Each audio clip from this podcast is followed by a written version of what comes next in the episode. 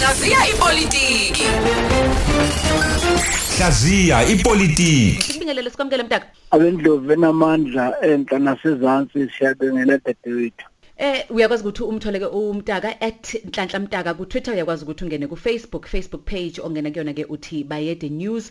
Eh ungene ke ubheke ihloko ezahlukahlukene suke zidingidwa lapha suke zikhulunywa eh, zihlaziywa futhi. Uyakwazi ukuthi umlandele umntaka eh, ngiphinde futhi Facebook page at eh, noma ngithi i Twitter handle yakhe @nhlanhla mntaka mntaka namhlanje ku- ku- kuyona ingosi yethu lapha sithi khona hlaziya ipolitiki ngolwimi lakho. Sibeka uku- ukubaleka ukuthi sihlukanise phakathi kokuthi thina singabahulu singabakahulumeni noma singabombuso. Singa singakuphi?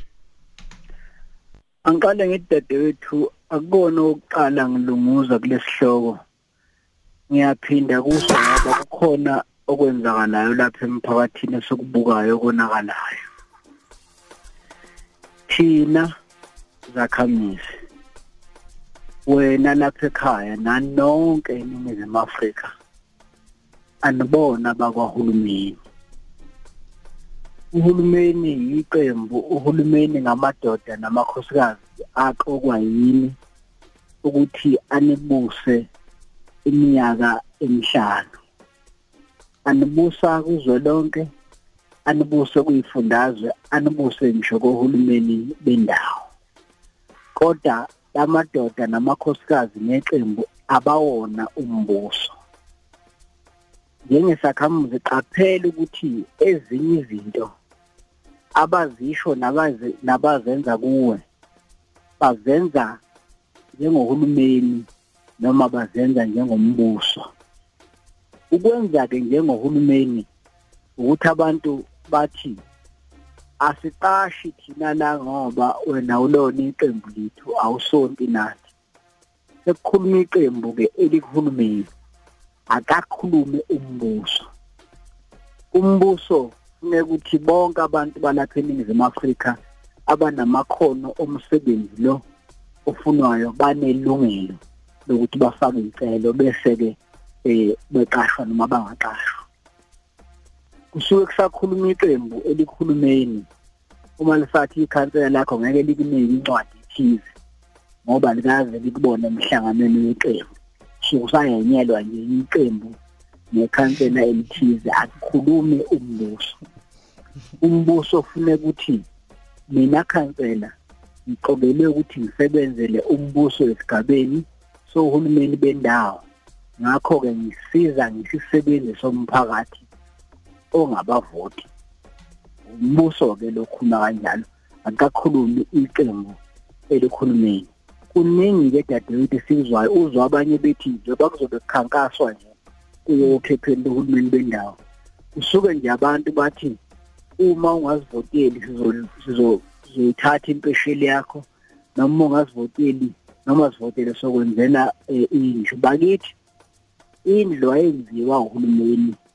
Indlu ilo yamthetho sisekelo waseningizimu Afrika esigabeni sombuso esithi uma ikhona inkece kuhulumeni kalekelele izakhamisi uma ikhona ke ngakho kungazi usatshiswa abantu bethu ngabavoteli laba ngoba uma bavotela ngeke usayithola impesheli impesheli ayihlangene nje neqembu kungaphuma leli qembu likhona ngene elinye iyoqhubeka nje ihole nokuthi uyanyuka ungazuze ubavotele noma ungabavoteli hayi lona unyusa impesheli yami ubevese ezoyinyusa ngoba vese kuyona yakhe. Okunye akekho uhulumeni onemali ubezwa bethi nje imali kahulumeni hayi bakithi babambe imali yombuso bona bawuhulumeni thina singabombuso asibona abahulumeni. Musu ukudlala iqembu nabantu abathize abakuhulumeni babakunqenda amalungelo akho owanikwa umbuso umbuso umthetho sisekelo umbuso sivikeleke sonke kumbuso siyalingana sonke kodwa lemgilingwane esiyenziwa abantu abakhulumeni abathunywa amaqembu abo kuyingozi lokho kunqenda amalungelo ethu. Khumbula njalo wena ungumbuso awuwona okahulumeni bengithi ngisazobuza mtaka ukuthi kubaluleke ngani ukuthi sikwazi ukuthi sikuhlukanise lokho? Kulobungozini mhlawumbe masingakuqondi lokho? Noma vele izinto zizoqhubeka zenzeke vele vele uzoba khona imali yesibonelelo ngisho ngathiwa siqondi vele kuzoba luzoba khona ukhetho ngisho kuthiwa asiqondi kwenza amahluko omuni ukuthi sikwazi ukuthi sikuhlukanise lokho sikuqondisise? Engenze nje isibonelo sento engahlangene nepolitiki kodwa ubufakazi bokuthi uma ungawazi amalungelo akho uzodlala abantu. Uma umiswa yiphoyisa lomgaqo. Uthi umthetho iphoyisa lomgaqo uma lizokumisa emotweni lithi phuma kufuneka lize kuwe seligqoka isigqoko. Umthetho awukwazi ukusukela umuntu ngiyathi yiphoyisa funa agqoke isigqoko kubhaliwe bayazi bonke laba abasukumisa emgaqweni. Kodwa ngoba sesijwayele lokungena indoda nje eh ithi woza kuyona ithi phuma ithi yenzani kodwa umthetho ukhona. Sikwenze lokho kwenye inkathi uze uboshwe. Uma kuthiwa lethelwa amasathi omunye umuntu ngisalingisa ngakho njalo kubanje emgaqweni athi naka amasamanisi amasamanisi anomthetho kanti lo mthetho ufuneka anikezele wena kukakhulukazi uma uzoboshwa kungathiwa eh, unamasamanisi ungakazi wathola siyavuma-ke sizosifaka emavenini ngoba asiwazi umthetho. Nalapha-ke ekungaqondini uhulumeni eh nombuso ugcina usuxhashazwa ngabantu angazi sengilalela abantu abangabi.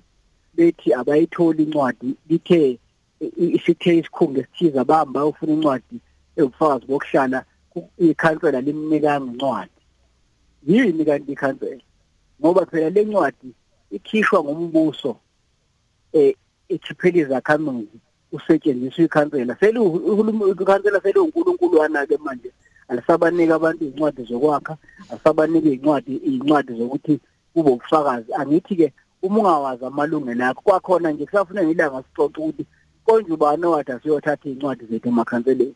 Ikhona yini umthetho osho njalo eh sebeze bawusiqhathanisa namakhansela lawa athi ngeke ngikunike wena ngoba eh awulona iqembu lami ngeke ngikunike wena ngoba emhlanganweni wasukuma eh wangibuza umbuzo owangihlambalaza sifaka abantu ezinkingeni nje benisho bahlanganisa nenhlanya ukuthi ziyobancinda amalungelo abo. Ngizama ukuthi uma ungawazi amalungelo akho ugcina uqhashazwa inalabantu okufuna ngabaya kulekelela. Uma ungazi ukuthi wena ngowombuso ungawazi umthetho osisekelo uzogcina ukhokha into ezithize ugcine uhlukunyezwa ugcine enqendwa amalungelo athize. Kumqoka bakithi ukuthi sizazi. Uma ube wazi ukuthi umbuso into yokuqala kwenzayo ukufunda noma uqonde ngomthetho osisekelo ezweni. Ihlaze eningizimu Afrika mengase kuthiwa abantu abaningi ababuza ukuthi uthini umthetho osisekelo esigabeni esithize noma udabeni oluthize? Uthola abanye abazi akudingi ukuthi ube ummeli. Yebo abameli bamqoka ukuchaza ukuthi bekusho ukuthini kodwa ukuthi wazi nje wena ukuze ungadlali abantu ngiloko ngizoloku ngilinganise ngalokho kwasemgaqweni. Miningi imikhuba abantu bakhokhiswa amathikithi azaboshwa omunye azayo enkantolo omunye. Kanti nje kube ubaza amalungelo akhe bezothi nakho nakho nakho uye enkantolo noma ungayi musani ke abantu bakithi musani zakhamizi. Ukuthatha amandla eni ukuthatha amalungelo eni niwanike abantu abangenawo amandla etheni. Khumbula uma usaba nje ukuthi ngabe uzombheka kanjani usopolitiki khumbula lokho engikushoyo usopolitiki uyinhlanzi. Thina zakhamizi singamanzi. Inhlanzi ayikwazi ukuphila ngaphandle kwamanzi. Uma sike nje amanzi azi ukuthi anamandla angakanani yonke le inhlanzi esehambele isigcumela yophela ukugcuma ngoba ngizobe singasakwazi ukuphila sesingasekho thina amanzi sesingasekho thina zakhamizi sesingasekho thina bavoti Sibonga kakhulu umntaka sihlangana ngesonto. Oh cha, sibonga kakhulu ukuthi ube nathi kwa nomsakazi because ube nosuku oluhle. Siyakuvalelisa nawe sithindele emhlobo ngizibe emhlobhini.